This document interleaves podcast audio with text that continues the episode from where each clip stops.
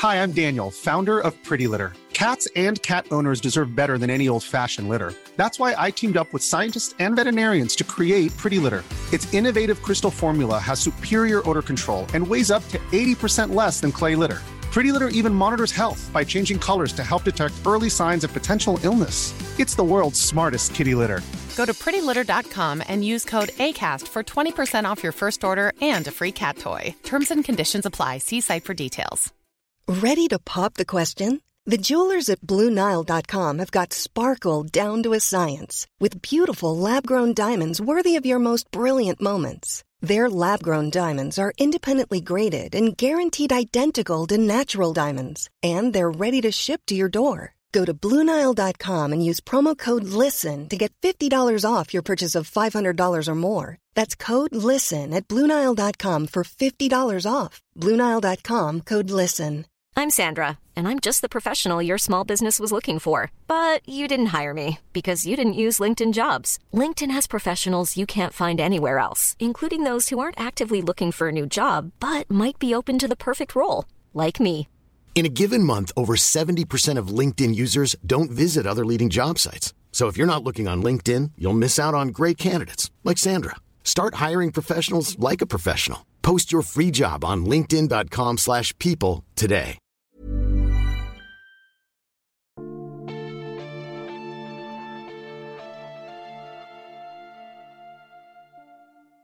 Välkomna till Sagan om Isfolket-podden. Avsnitt 30. Människa-djuret. Jag heter Dan och med mig har jag Anna. Hej Anna! Hej Dan! Hej! Ja, Människa-djuret. Fantastiskt bra tyckte jag. Jag är verkligen imponerad faktiskt. Jag med. Det här är en fantastiskt välskriven bok som helt har flugit under min radar alla gångerna. Och nu när jag läser om den så inser jag att det här är nästan så bra det blir. Och jag får väldigt mycket flashbacks till hur de första böckerna är skrivna. Ja, jag håller med. Jag visste att jag gillar den här boken men inte att den var så här bra. Jag är verkligen positivt överraskad. Jag med. Jag har ju alltid betraktat det här som en slags mellanbok. Nog mycket för att jag gillar Lucifers kärlek så mycket. Så det har alltid varit att jag har läst Lucifers kärlek och så har jag typ suttit och varit jätte utpumpad rent mentalt över att den är, över Lucifers kärlek är så bra. Så jag tänkte att ja men människa-djuret läser man för att man vill ha reda på mer vad som händer med Sagas tvillingar. Och jag har nog inte kunnat uppskatta boken som den bra bok den är. Har alltid sett som en uppföljare till Lucifers kärlek. Och då blir den ju inte sedd som den bok den är. Nej, men då kör vi igång och går igenom den. Ja, och vi börjar ju i lite misär. Precis där vi slutade. Total misär. Ja, åh gud. Det här är ju så otroligt välskrivet av Margit. Hur hon beskriver Hennings ankomst till Lindalen. Hur han är alldeles ensam, hur det är kallt och hur han verkligen försöker att hålla ihop. Man vet att vetskapen om att hans föräldrar förmodligen är döda, Saga har dött, han har ansvar för två stycken nyfödda barn. Det håller på att göra honom galen men han håller ihop och bara en sak i taget nu här. Och sen alla de här kvinnorna som dyker upp. Man inser att eh, hur ska han kunna hålla ihop det här och hålla ihop pojkarna? Och han har ju ingenting att säga till om här. Nej, han är ju liksom bara 11 år. Vilken sits. Ja. Jag blev ju väldigt glad att vi fick träffa eh, Line igen. Inte för att vi har träffat henne innan, just henne, men just att hon är från Eikeby och att man knyter an så mycket till att Eikebyfolket har haft en väldigt stark anknytning till isfolket ända sedan Mattias och, eller sen Mattias mamma Yrja liksom. Ja, verkligen. Jag blev förvånad över att hon försvann så totalt senare i boken. Ja, För hon kändes jätteviktig där. Hon introducerades och var liksom hoppet i mörkret och sen var hon bara borta i resten av boken. precis. Och de säger liksom just att Eikebyborna liksom börjat närma sina släktingar och tänkte att nu, det här är grejen, men nej. Så det var lite synd, men jag är ändå glad att vi får med den här biten av eh, sentimentalitet från de tidigare böckerna och att det följer med in i den så kallade nya isfolkseran. Ja, Mm. För oj vad mycket modernt det är den här boken annars. det är det ju. Jag tycker att det är... Att Malin dyker upp när hon gör är ju väldigt praktiskt och bekvämt. Men här är det så eländigt att man... Man blir så glad när hon dyker upp. Ja, jag satt och var så här jädra tjattrande. Jobbiga, alla som vill bestämma om vad Henning borde och inte borde och Belindas mormor som jag kommit fram till att jag verkligen genom hatar den här boken. Usch! Ja, hon kändes inte riktigt som samma person som hon kändes som tidigare. Nej. Utan här var hon ju bara en skurk. Ja, precis. Som bara brydde sig om att åh, pengar. Och vi skickar det ena barnet till ett hem. Och det, sen så gör du som jag säger Henning för jag typ är din mormor. Och man bara, men du har inte varit del i hans liv överhuvudtaget. Hur kan du ens med att komma och ställa massa krav på ditt barnbarn så här? Och dessutom vara så otroligt kall inför det faktum att din dotter förmodligen är död. ja, och det där hemmet får ju skatta sig väldigt lyckligt att de inte fick Ulvar på halsen. Eh, gud ja, då hade nog hemmet slutat som ett nedbrunnen askhög. Förmodligen. I bästa fall. Ja, ska vi prata om Ulvar redan? Nej, vi väntar med det. Vi väntar med det lite grann. Vi ska slita lite. Malin och Henning driver bondgård. Mm. Och jag gillar ju Malin väldigt mycket. Och jag får säga att, så att Malin påminner lite grann, påminner mig lite grann om Yrja på ett sätt. Men samtidigt så känns hon väldigt ny. Ja, jag tycker Malin känns relativt ny här faktiskt. Jag tänker inte direkt på någon annan. Mm. Utan det är en, ja, en diakonissa. Hon har kommit fram till att uh, hon ska ägna sig åt andra. Och, ja, nej, men hon känns som en väldigt rejäl och bra. Känns ju som helt rätt person att dyka upp just där då. Ja, precis. Och jag som har stört mig så otroligt mycket på den svenska ishockeygrenen väldigt länge, deras oförmåga att hjälpa den norska. Jag kan nästan förlåta dem för allting, för när Malin kommer in så tar hon ju tag i allting med sådant besked att det räddar ju liksom hela situationen, det räddar ju allt. Det är jättebra. Sen de sliter ju och håller på och sedan så, åh, hjärtat gick ju i bitar när de får det här jobbiga brevet om att Nej, men båten Emma har ju, den har förlist. Vi har hittat vrakdelar. Eh, Henning, dina föräldrar är förmodligen döda. Jag tycker att det här är väldigt bra skrivet och trots att jag har läst Isfolket oräkneliga gånger så blir jag tydligen ständigt lurad av det här. För att jag, när vi poddade i förra avsnittet, jag var helt övertygad om att Vilja och Belinda var döda. Ja. så att när de bara, va, lever de? Jag blev jätteförvånad. Ja men det, det, det läggs upp så bra för vi får ju så otroligt lång tid där det här cementeras att det är en väldigt jobbig situation för isfolket. De är få. Malin och Henning sliter som djur med gården, med barnen. Det är jättejobbigt. De har ingen tid att stanna upp och tänka efter om hur de skulle hantera det på ett bättre sätt. De, de kan bara fortsätta framåt och leva i nuet. Så jag hade ju också lite grann gett upp Viljar och Belinda för att det hela stämningen andas att det här är inte en bra och lycklig bok. Allting går på röven och det har vi ju sett i förra boken också. Det här är inte en bra tid för isfolket. Nej, nej som Marco säger i slutet att eh, Viljar fick leva igenom den värsta tiden. Åh, stackars Viljar. Jag tycker inte riktigt han förtjänar det. Nej, det är synd om Viljar. Men han lever! Ja! Och jag hade tappat bort helt att det gick så lång tid mellan det att de försvann till att de faktiskt kom tillbaka. Det är, det är alltså en tre, fyra, alltså det är tre år, eller hur? Ja, det är någonting sånt. Mm. Jag var livrädd att det skulle bli fånigt men jag tycker hela Viljar och Belinda-biten var jättebra. Jag tycker den bästa biten med Viljar och Belinda i hela sagan. Faktiskt ja. För att här ser man ju hur mycket de bryr sig om varandra, hur mycket de faktiskt eh, vill hem och hur hårt de faktiskt eh, slitit under åren med allting. Det här liksom, det sägs ju inte hur mycket de har verkligen kämpat innan Sara kom till Rosensholm, men jag tycker att i deras strävan efter att liksom, i Viljas strävan för att få komma hem för att dö, i Belindas eh, slags, där hon har stängt av hela världen runt omkring, det märks ju att de har haft det väldigt svårt innan också. Ja, absolut. Mm. Sen tycker jag mycket om den här prästen. Margit har verkligen styrka i att presentera en bikaraktär. Och få honom att hjälpa till med plotten. Och trots det inte få, trots det verkar det inte bara vara en, en mekanism för att få plotten att gå vidare. Utan man kände verkligen, åh vilken tur att den här prästen fanns. Ja, och man tycker han är genombra och jättegod. Och jag hade ju, jag har ju också läst Isfolket så otroligt många gånger. Men jag satt ju när, när prästen kom till Lindalen, jag bara, men det kommer bli han och Malin. Och sen så insåg jag att det blir ju inte han och Malin. Men jag var helt övertygad om det där när jag läste. Jag bara, ja men han och Malin kommer säkert hitta varandra. Det, det känns som det, för pressen är så bra, som bra uppbyggd bikaraktär så jag ville se mer av honom och han och Malin jobbade jättebra ihop. Ja, och sen är han också bara borta. Ja, puff. Jag var också helt övertygad om att Viljar skulle dö där när han hade kommit fram och han hade liksom sett Henning igen och så skulle han dö och så skulle det vara jättetragiskt. För det har vi ju sett förut. Ja, Men eh, han klarar sig. och det är vi väldigt tacksamma för, för jag hade nog inte pallat att Viljar hade dött.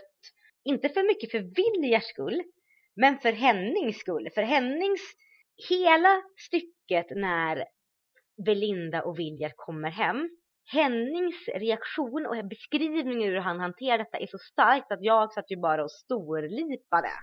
Ja, jag grät också massor under hela den här boken. Ja. Och igen, prästen verkar vara en så genuint bra kille, en så genuint bra människa. Som verkligen sätter sig ner och förklarar för Henning att vi måste ta det lugnt det här.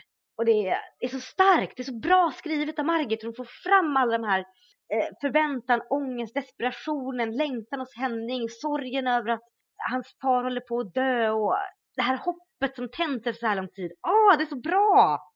Ja, man är verkligen där och man upplever verkligen deras känslor. Mm. Och det kännetecknar ju bra litteratur. Ja, uff. Vi måste ju kommentera det här med Heike på båten. Ja, jag tror vi står på olika sidor här Dan. Okej, jag är inte helt säker. Vilken sida står Okej. du på? Jag tycker det är jättefint.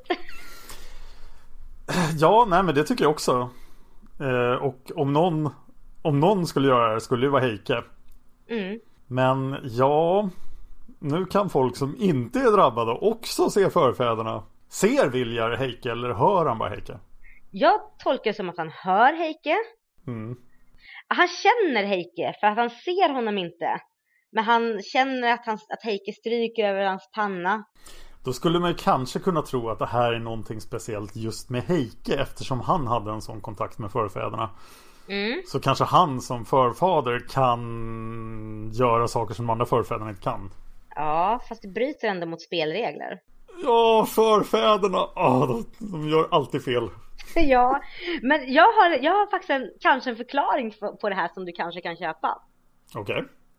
Det är ju faktiskt det att Heike är ju ändå Viljars farfar. Ja, det är han ju. Mm. Och även fast man kanske inte har den mesta kontakten med sin farfar så bodde ju ändå Viljar på Grossinsholm större delen av sin livstid. Visserligen väldigt distanserad från sina farföräldrar eftersom han tyckte att ja, Viljar hade sin tonårskris där och sin 20-årskris och sin 30-årskris lite grann där han inte kunde hantera att hans farföräldrar gjorde vissa val. Men han har ändå ett rätt nära band till sina farföräldrar, speciellt Heike. Så jag känner att det kanske är, det kanske inte så mycket i egenskap av drabbad förfader utan i egenskap av farfar som Heike kommer dit. Vanligt hederligt spökefaktorn. Precis! Jag är beredd att förlåta Heike för det här övertrampet för det kommer ett mycket värre övertramp eller en helt ny spelregel senare i boken som jag också har en massa tankar och frågor om. Ja, Men det tar vi då. Ja. Eh, Ska vi prata lite om eh, de här två barnen nu innan vi springer till kyrkogården? Ja, det ska vi göra. Jag mindes ju barnen som väldigt annorlunda skrivna. Jaha. Mm. Jag mindes ju liksom att Marco var mycket mer aktiv i boken, vi fick leta lite mer om honom och att båda tvillingarna på ett sätt var, de hade inte lika mycket stor plats i boken som jag mindes det, men jag minns ändå att de var skrivna på liknande sätt. Och det var ju helt fel. Ja. För Marco är ju, jag upplevde honom som väldigt schablonartat skriven i den här boken. Ja, han är ju verkligen bara i bakgrunden och sen sakerna han gör vet vi inte att det är han som gör dem. Så att han framstår ju som helt, som verkligen en, en dekoration på väggen. Ja, han är ju mer ett objekt i den här boken än ett subjekt. Och Ulvar är ju i allra högsta grad ett subjekt. Någon som har en egen agenda som vi får höra prata, som har egna tankar. Marco bara flyter i bakgrunden. Och jag tycker faktiskt i efterhand att det är jätte, jättebra. Jag tycker hela den här boken är en fantastisk plantering av Marco.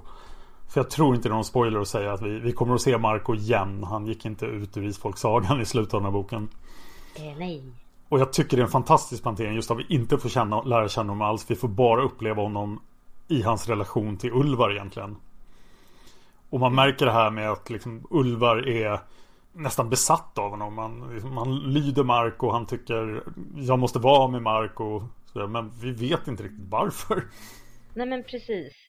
Och jag kan ju nog också köpa det och jag tycker det är väldigt, det är bra för att huvudpersonen i den här boken som vi fokuserat mycket på är ju Ulvar. Jag tycker om att Ulvar får ta så mycket plats för att vi har väl aldrig fått ta del av en så hårt drabbad tanke och resonemang på det här sättet. Sölve var ju på en annan nivå. Ulvar är ju Alltså det, Ulvar är obehaglig.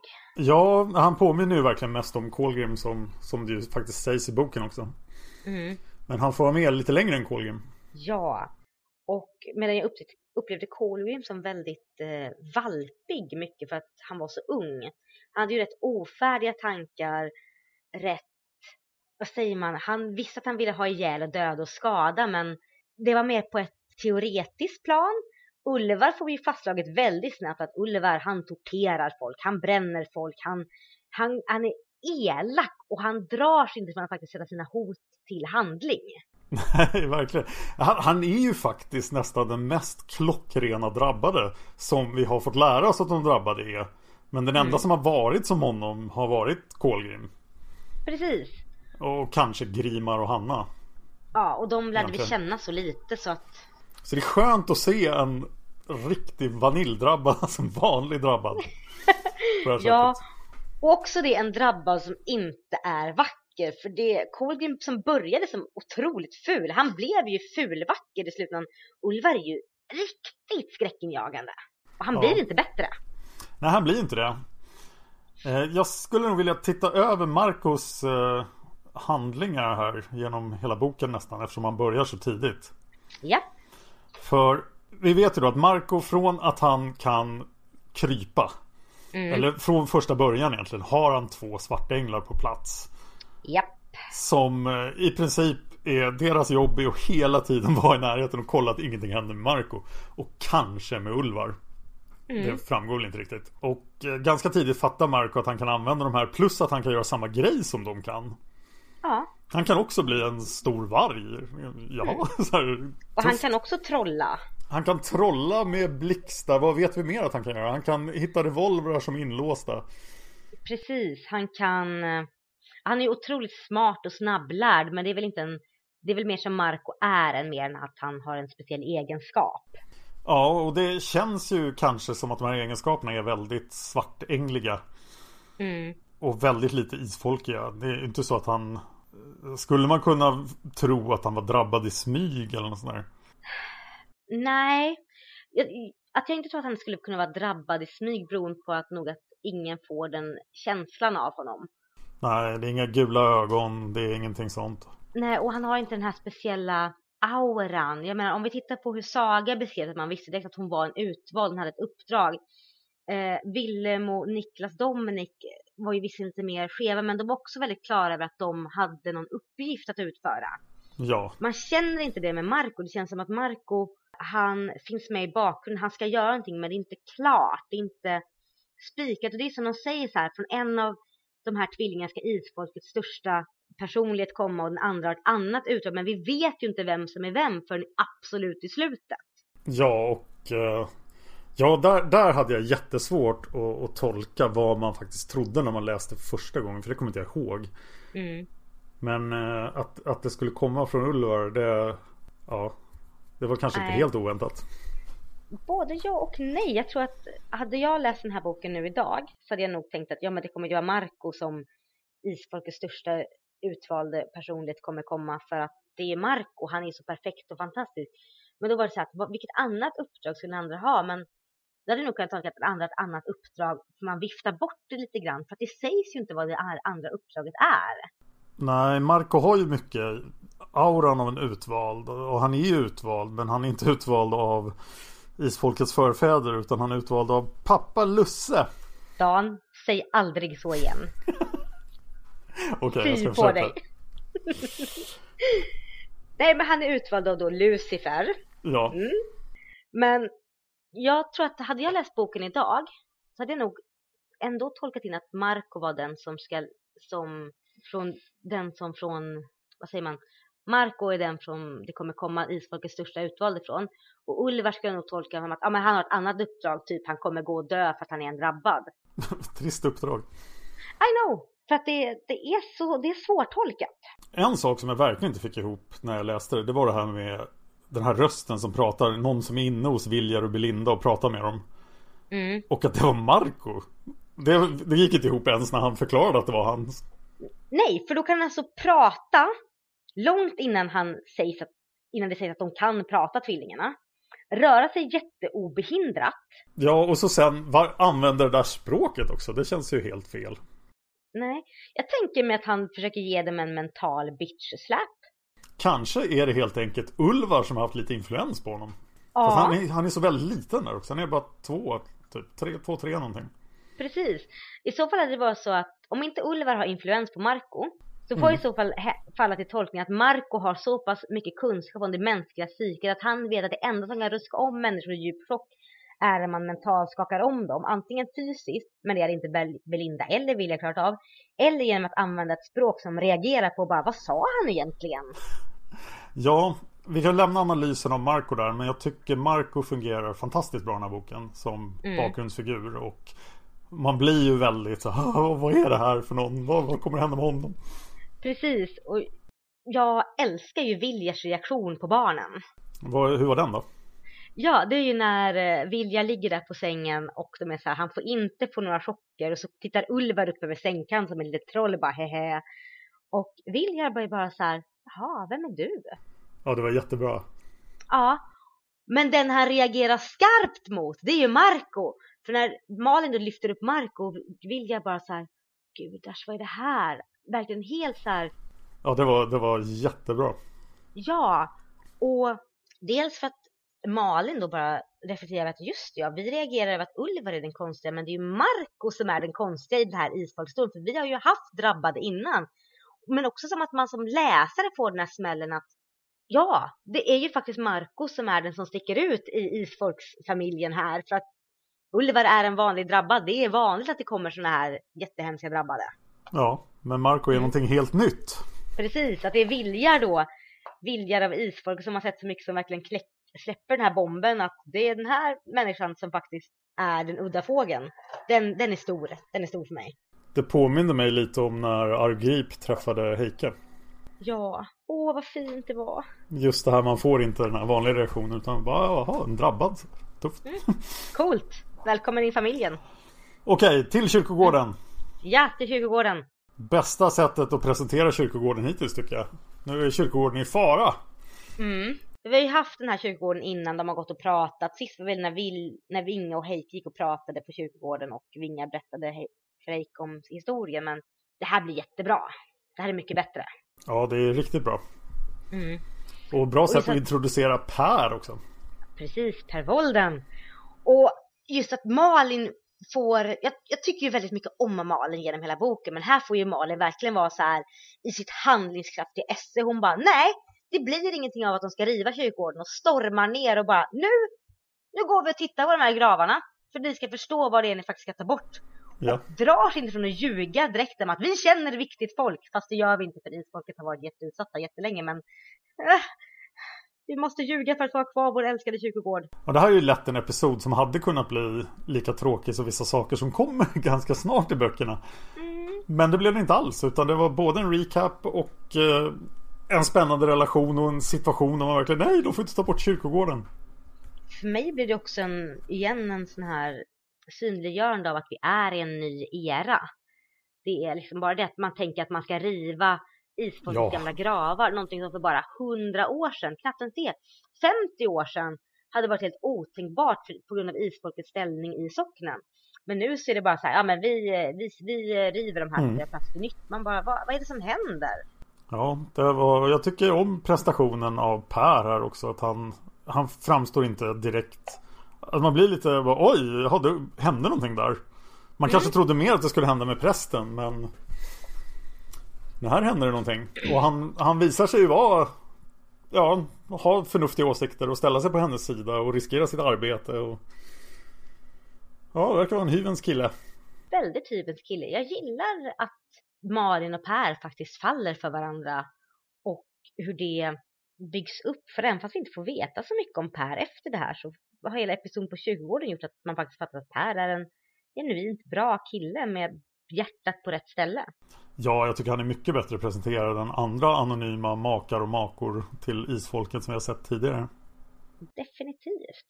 Och det här är ju så bra gjort av Margit för att, att lyckas genom en enda episod i boken presentera en person så bra att hela kärlekshistorien mellan Malin och Per förblir trovärdig genom hela boken trots att Per inte, inte får så mycket handlingsutrymme.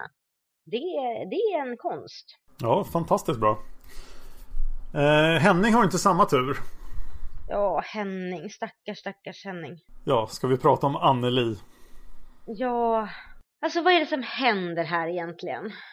Ja, det här kändes ju också som någonting som händer i vanliga världen hela tiden. Här har vi den här blyga killen som inte kan Ja, inte riktigt kan konversera det andra könet och så träffar han fel tjej och Ja Blir en toffel Ja, en klassisk toffel och det här hade ju inte behövt bli ett äktenskap om inte Anneli blivit gravid.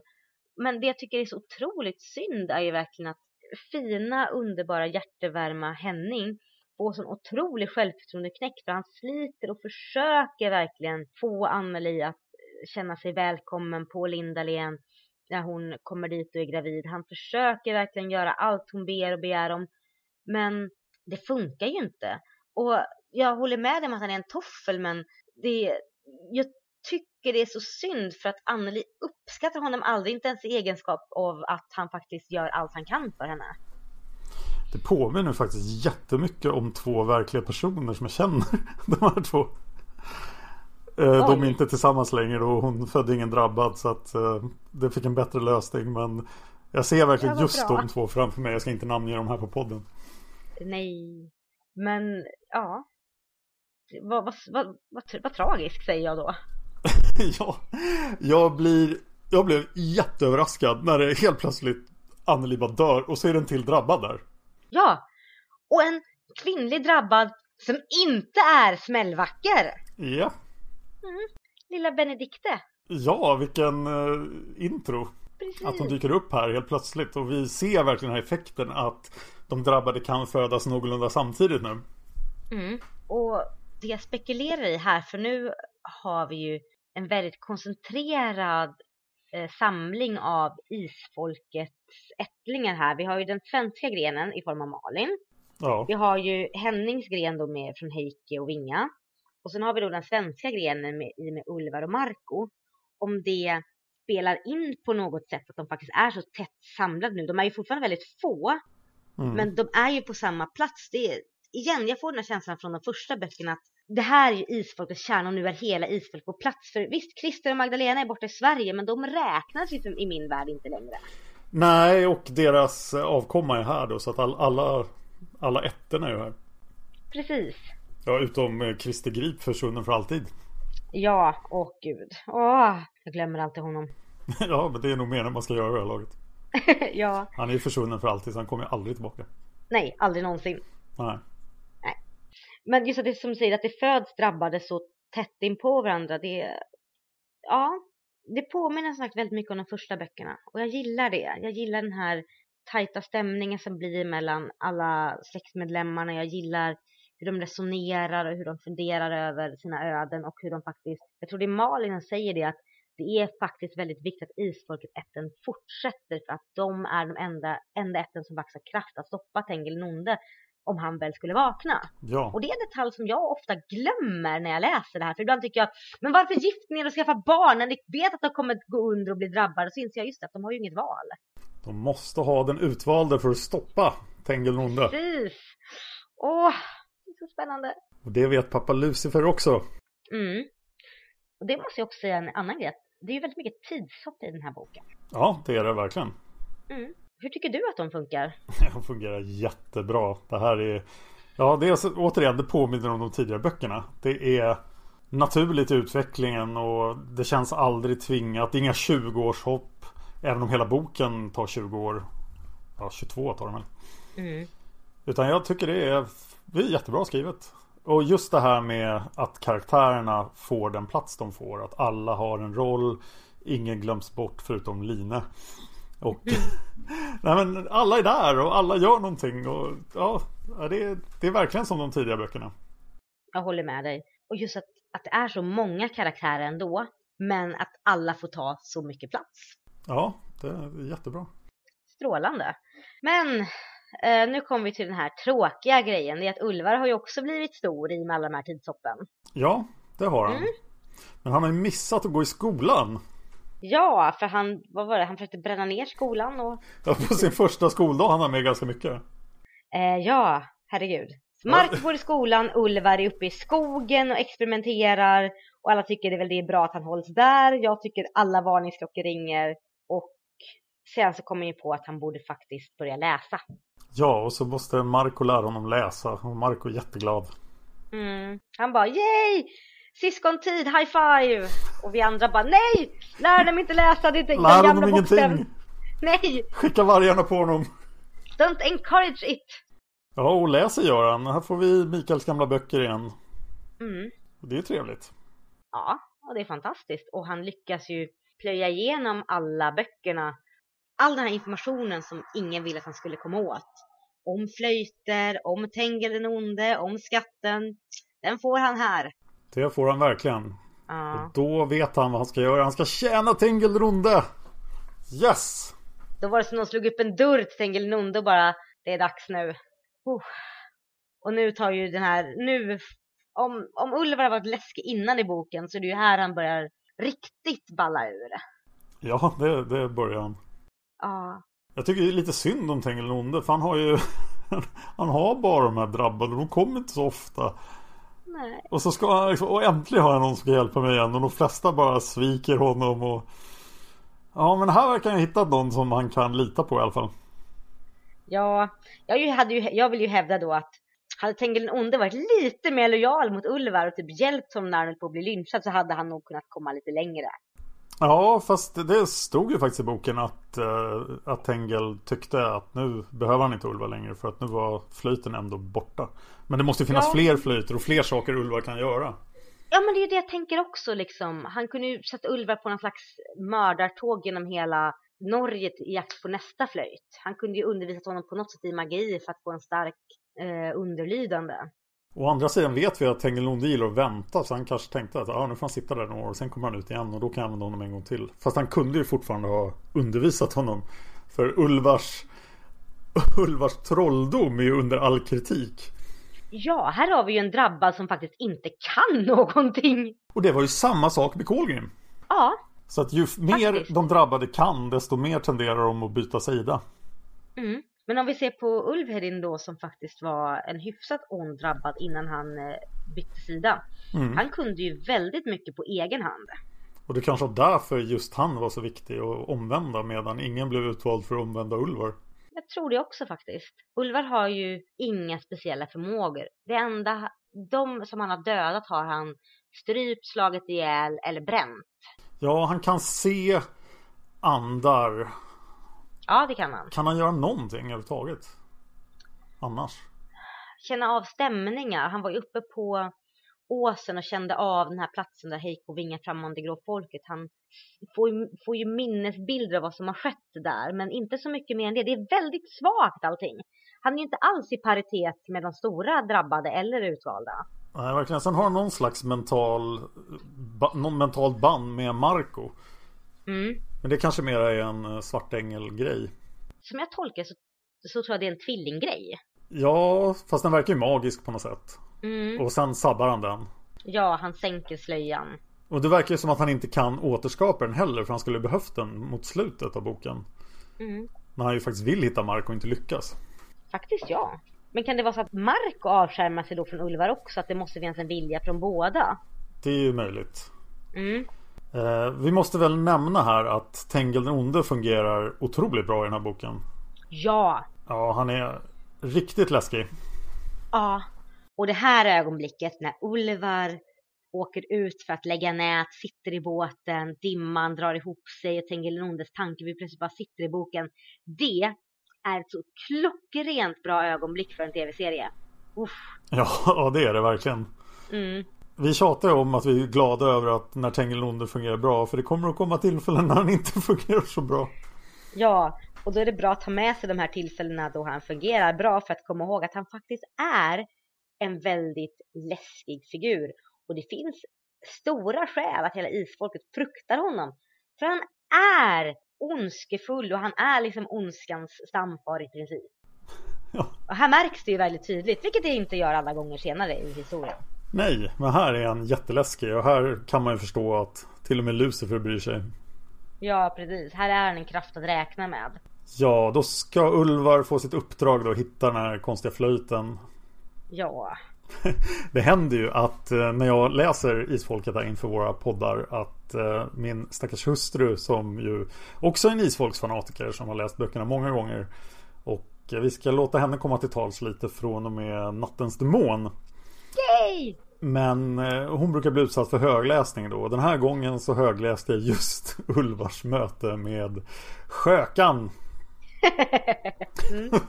det var ju lite lustigt även om det var hemskt förstås. Men Ja, han, han ströp henne med hennes egna strumpeband men det, det är en bra skriven scen det också. ja, det är riktigt bra.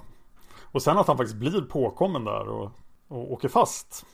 Jag åker fast rejält. Och huset börjar brinna och flöjten brinner upp och Tengilnonde tycker bara Nej, faktiskt, jag går och lägger mig igen. Ingen av mina underlydande kan göra någonting vettigt alls. Ännu en loser.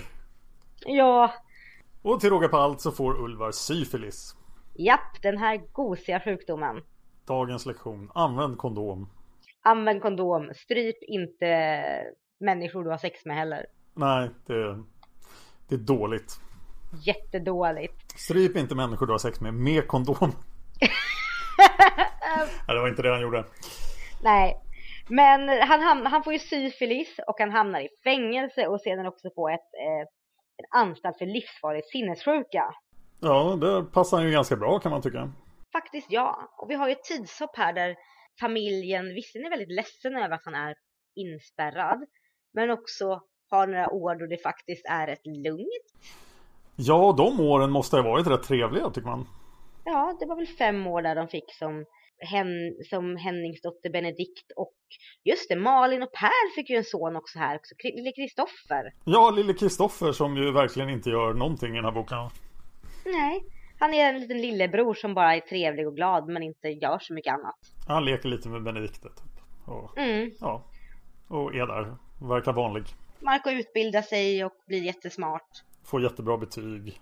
Ja, Alla gillar honom. Han är så präktig så att det står en i halsen. lite grann så. Men han klarar sig för att han, jag vet inte, han, han, han rubb... Det står en i halsen hur präktig han är. Men han försöker inte trycka upp det i ansiktet på en så man blir så här, nej du är ju bara bättre. Fan Ja. också. Han är bara bra. Ja. Men vi träffar en ny person här, vi träffar en ny person. Ja, just det. Agnete. Lärare. Och Henning tycker att hon verkar trevlig och fin och Agneta tycker att Henning verkar trevlig och fin så det är, det är lite kärlek och det tycker vi att Henning förtjänar. Med rätta. Ja, det, det tycker vi. Men sen så kommer Marco springande och visar mest känslor i Ja, hela boken hittills. ja precis. Det är typ första dialogen han har också på riktigt. Ja, Ja, för Ulvar är fri! och då undrar man ju lite grann. Borde inte Marco alla möjligheter i världen att hitta Ulvar innan någon annan gör det? Jo, det känns som det. Så jag undrar om han lägger band på sig för att han ska vara vanlig eller om han bara inte får. Svartänglar kanske säger att han inte får. Eller att han bara inte tänker på det. Han är ju ändå bara, ja han är fortfarande rätt ung men inte så ung i och för sig. Ja, det, man kanske kan konstruera någon förklaring där. Men jag, jag tänkte på det sen. Mm. Eh, och sen just att de inte hittar Ulvar. När Ulvar är ändå i närheten så tycker man att Marco borde reagera. Eller att eh, Svartänglarna borde reagera. Precis, och bara så här nu, nu, nu är han här. Det, men det enda som händer är att Henning förstår att han är i närheten för att han ser, eller Benedikte berättar att han har sett en varg. Men det är ju lika, vi vet att vargarna är ju inte Ulvar utan det är Marco så att Ja, fast den vargen är väl där då för att Ulvar är i närheten. Precis, så Henning förstår att Ulvar är där, men på grund av fel slutsats. När Marco lika gärna kunnat säga att han kanske kände av att hans tvilling var i närheten utan att det verkat skumt. Och hade det verkat skumt hade alla kunnat säga att ja, fast du är ändå Lucifers son så att det funkar, det flyger att du har konstiga teorier. En sak som alltid har stört mig med den här boken faktiskt, mm. som jag kommer att tänka på nu, som jag inte har tänkt på än. Det är just att vi, vi avslutade vår kontakt med Saga med orden mm. Sen börjar de prata om barnen. Och vi vet att Lucifer har järnkoll på vad som pågår här. Han har ju två svarta änglar på plats. Ja. Och, men han verkar ju fullständigt strunta i Ulvar. Ja. Och i förlängningen då måste ju drar jag slutsatsen då att Saga också struntar i Ulvar. Att det här, mm. de ängla, Svartänglarna är där för att skydda Marco och göra som Marco säger, eller skydda isfolket kanske. Men mm.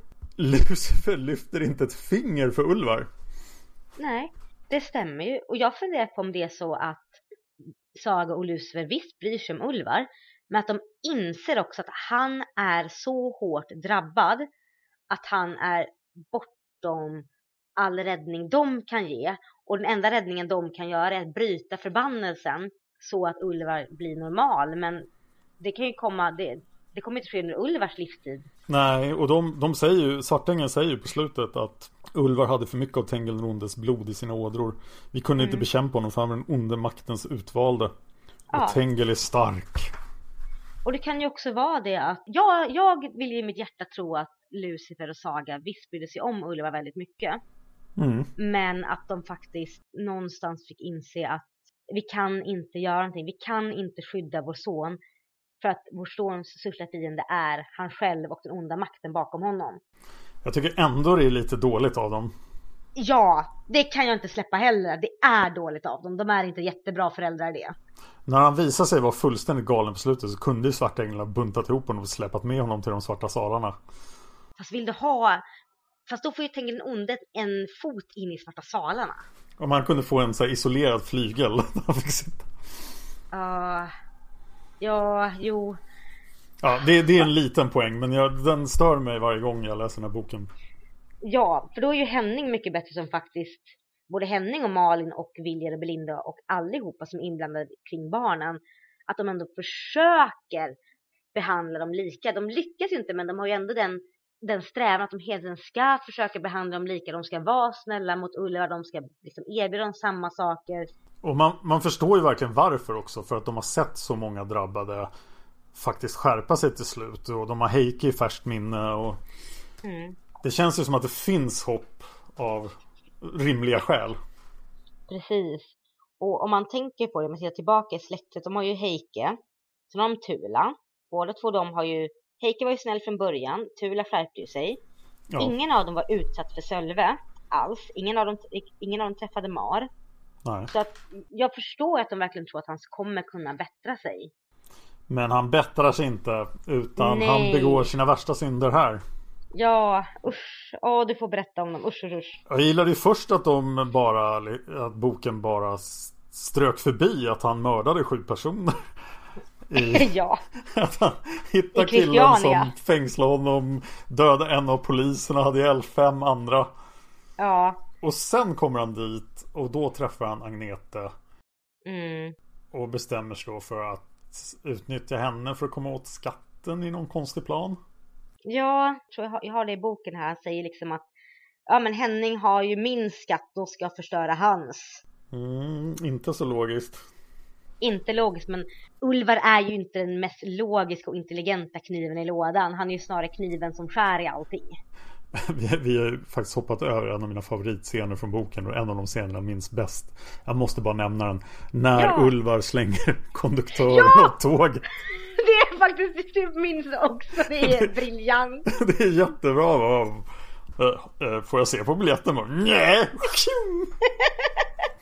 och jag ska se om jag hittar den för den är faktiskt så värd Ja, och dessutom då att man får ett tåg och ser att oj, tekniken går framåt. Det, boken slutar 1882 så att nu börjar vi komma till modern tid. Ja, jag vill också poängtera att konduktören överlevde ju fallet. ja, just då den här utredningen. Den var ganska rolig också. Eh, ja, det var en småjävel på tåget. Ja. Nej, vi kommer nog inte så mycket längre här. Bara just move along, nothing to see here. Men jag håller med, det är en av mina favoritscener också för den säger så mycket om Ulvars syn på människor. ja, verkligen. Mm. Men jag inser att vi har glömt en annan scen som jag tror att du kan ha rätt, jag tror att du har rätt mycket åsikt om den här. Kyrkogårdsscenen. Ja, herregud, just det. Där har jag massor av åsikter om. Ja, bring it! Ja, Ulvar går ju alltså till kyrkogården när han kommer tillbaka och hans plan är att få kontakt med onda drabbade. De ligger ju inte där, så vad, vad tusan tänker han på? Ingen ligger där. Nej. Och ja, helt fel. Plus att de, vi vet ju att de onda drabbade inte är kontaktbara. Att ingen någonsin har hört av dem. Nej, precis.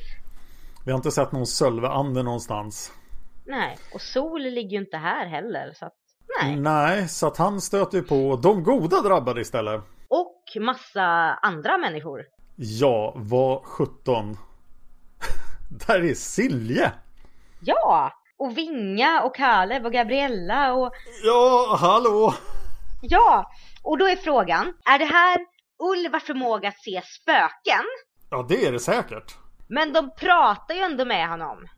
Jo, men han, han ser dem och det gör ju förmodligen inte särskilt många. Men man tycker ju att en, en drabbad som var bra på att se förfäder som Heike borde ju också ha sett det här.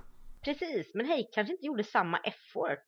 Här gick ju Ulvar faktiskt och aktivt riktade en begäran, en bön eller en önskan om att faktiskt komma i kontakt med isfolkets drabbade. Och det är ju jättefint att man att de faktiskt är där på något sätt. Att vi vet att Tengel och Silje får umgås i någon mening.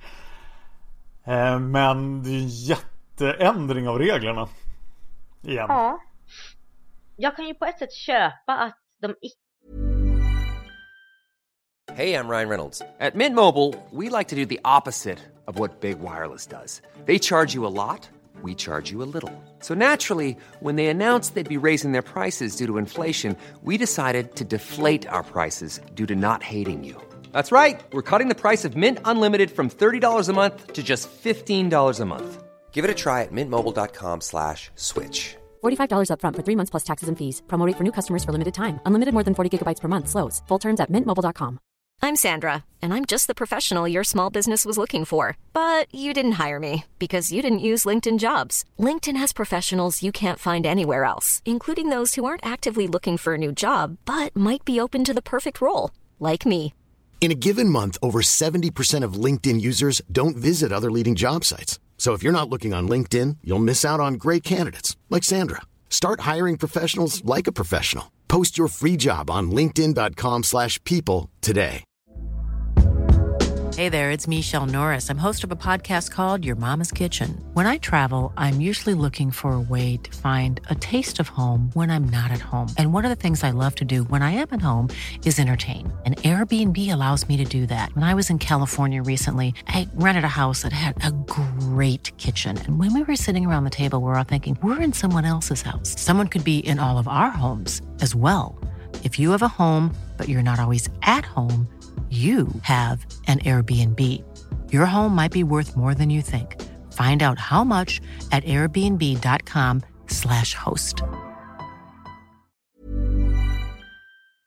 isfolksdrabbade faktiskt kommer upp här för att de är ju begravda här. De är ju spöken. Ja, fast det måste ju betyda att de är osaliga, alltså att de inte har fått frid heller. Och vi, vi Gud. vet ju att vi är i någon slags kristen världsbild. Ja. För att Gud finns ju faktiskt, fick vi ju reda på i förra boken. Ja, Så att Silje borde i all rimlighet vara i himlen, men där får hon inte vara, utan hon, hon är och spökar på kyrkogården. kan det vara för att hela isfolket är en så fördömd släkt att de inte har tillträde till himlen? Att, så Silje är inte osalig, på, alltså som i grå folket osalig. Och det tackar vi för, för annars hade hon hört till det grå folket och det hade blivit jätte, jättekonstigt. Ja, det hade blivit konstigt. Ja, men sen ändå så att på grund av att hon ändå var gift med Tengil den gode så är hon inte riktigt med i himlen för att isfolket är en fördömd ett och därför så går hon inte igen i den i ordets riktiga bemärkelse men hon ändå finns ändå tillgänglig för sina efterlevande. Ja, jag, jag tycker inte det blir något bra här. Och eh, Då undrar man om man då hamnar i den här konstiga situationen om man gifter in sig i isfolket så borde det vara någonting man varnar folk för innan de gifter in sig. Ja. För vilken, ja du fick inte evig frid i himlen för att du råkade gifta in dig i isfolket så här, haha! Bara, sorry. Otur.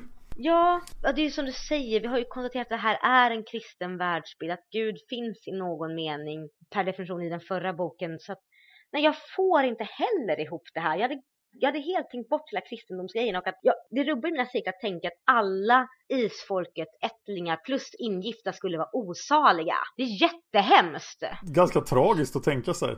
Och just det där med Gud också. Vi har ju hela tiden i sagan varit i en situation där Mar Margit har pratat skit om Gud och vi har det har varit en väldigt stor möjlighet att det inte finns någon gud. Men förra boken bekräftar ju allting. Det är, det är den kristna världen.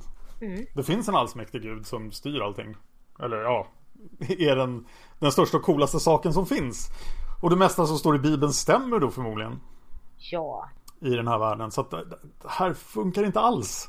Nej, kan det vara så att de ändå har en plats i himlen, att de icke, att de av isfolk som inte är drabbade och de ingifta ändå har en plats i himlen.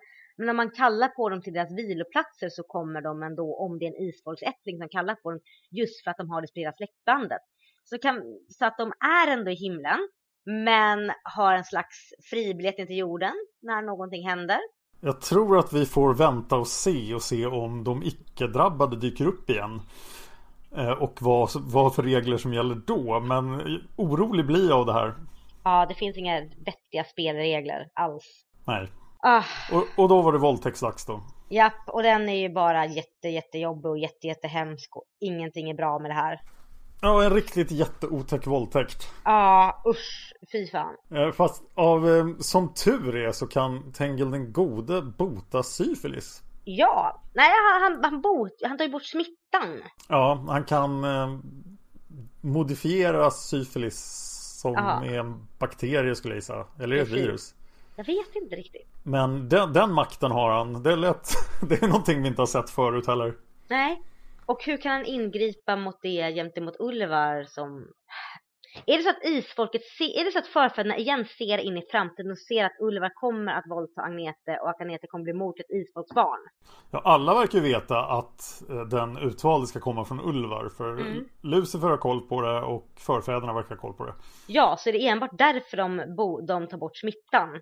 Så det övernaturliga kollektivet är helt är, Ulvar får inte smitta folk. Nej. Så då gör han inte det. Han bara sätter barn på stackars Agnete. Ja, stackars Agnete. Dock så förstår jag lite grann principen att isfolkets förfäder och svartningen låter honom hållas för de vet att han måste på något sätt föra sin, sin släkt vidare, för det är hans uppgift. Ja just det, där har vi anledningen till att Lucifer inte ingriper heller. Ja, jag tror faktiskt det. Så Agnete är verkligen offerlammet. Åh gud! Ja, det är hon faktiskt. Usch. Och stackars Henning och stackars Agnete. De var ju kära och är kära. Åh, vad jobbigt allting blir. Jättejobbigt. Och jag noterar att det här har vi inte sett förut. Att den här, det här barnet som vi nu vet att den utvalde kommer att komma ifrån. Mm. Och som också avslutar boken då att Sagas barnbarn kom över tröskeln. Där det hörde hemma hos sina fränder på Lindalen. Mm. Har vi hört så mycket om någon som faktiskt inte ens är född i den här boken? Nej, det bäddas upp väldigt bra här. Ja. Mm. Ja, överlag tycker jag hela nästa generation har blivit väldigt väl insåld här. Vi har den drabbade Benedikte som ju verkar snäll. Mm. Vi har Marco som underligt försvinner. Mm. Vi har Kristoffer som verkar vara som har liksom intressanta föräldrar. ja, det är det intressantaste man kan säga om honom. Ja, och det viktigaste som jag tycker här är att vi faktiskt får reda på när den utvalde ska komma. Ja, det är jättebra. Mm. Så det är den ofödda bebisens barnbarn som är den utvalda. Precis. Då är timmen slagen! Woo! Nu vet vi, det är bara tre generationer kvar. Ja, och det är ju jätte, jätte, jättespännande. För att vi första gången i historien så har vi en, vi har en rejäl riktlinje, eller inte riktlinje, vi vet när allting kommer hända. Vi vet det. Ja, och då undrar man ju, tänk om Tengilonde vaknar nu. Då skulle han ju inte behöva ha någonting att göra med den utvalde. För nu är den utvalde skriven i sten när han kommer. Ja, Eller hon. Och det här är ju, det, det är ju en välsignelse att veta det här men också som du säger lite jobbigt för om någonting skulle hända innan nu så är det ju riktigt kört. Och nu undrar man ju verkligen vem är den här utvald och vad kan han eller hon göra? Precis. Vi har sett alla de här otroligt övernaturliga personerna. Ja, så den utvald som kommer nu måste ju vara exceptionell. Ja, större kraft än någon annan. Mm. Vet vi att den utvalde kommer vara delvis svartängel eftersom det är Ulvars barns barns barn. Ja, vad blir det? En åttondel svartängel kommer han vara. Ja, det låter inte så mycket men jag tror att det kan vara rätt hardcore ändå. Oh. oh. Och just det, vi glömde bort den jobbiga händelsen i slutet av boken också. Ja, jag har inte glömt den. Jag tänkte komma till den. Den här fantastiska avslutningen. Jag, jag tycker den är jättespännande. Ulvar tänker inte förhandla utan han bara tar Benedikte så fort han ser henne. Och det finns ingenting av det här liksom här, så här, du är också en drabbad, vi kan göra saker tillsammans. Utan han bara, du är en mes, jag ska använda dig som gisslan. Mm, jättehemskt. Och här kan vi också notera att Benedikte har ju inte visat några som helst övernaturliga förmågor. Nej. Hon verkar ju helt stum på den i den aspekten. Hon kan inte göra någonting mot Ulvar. Han är mer magisk än vad hon är. Ja, och hon verkar vara ett helt vanligt barn. Ja, bara lite, lite, lite storvuxen och klumpig men otroligt snäll och fin. Och som jag läser så har hon inte haft några så här episoder av, av ilska eller ondska. Utan hon verkar vara genomsnäll rakt igenom. Ja, även om hon får så lite fokus i den här boken så känns det också som att hon är någonting helt nytt. Ja. Hon påminner inte om någon tidigare drabbad. Nej. Möjligtvis. Nej. Nej.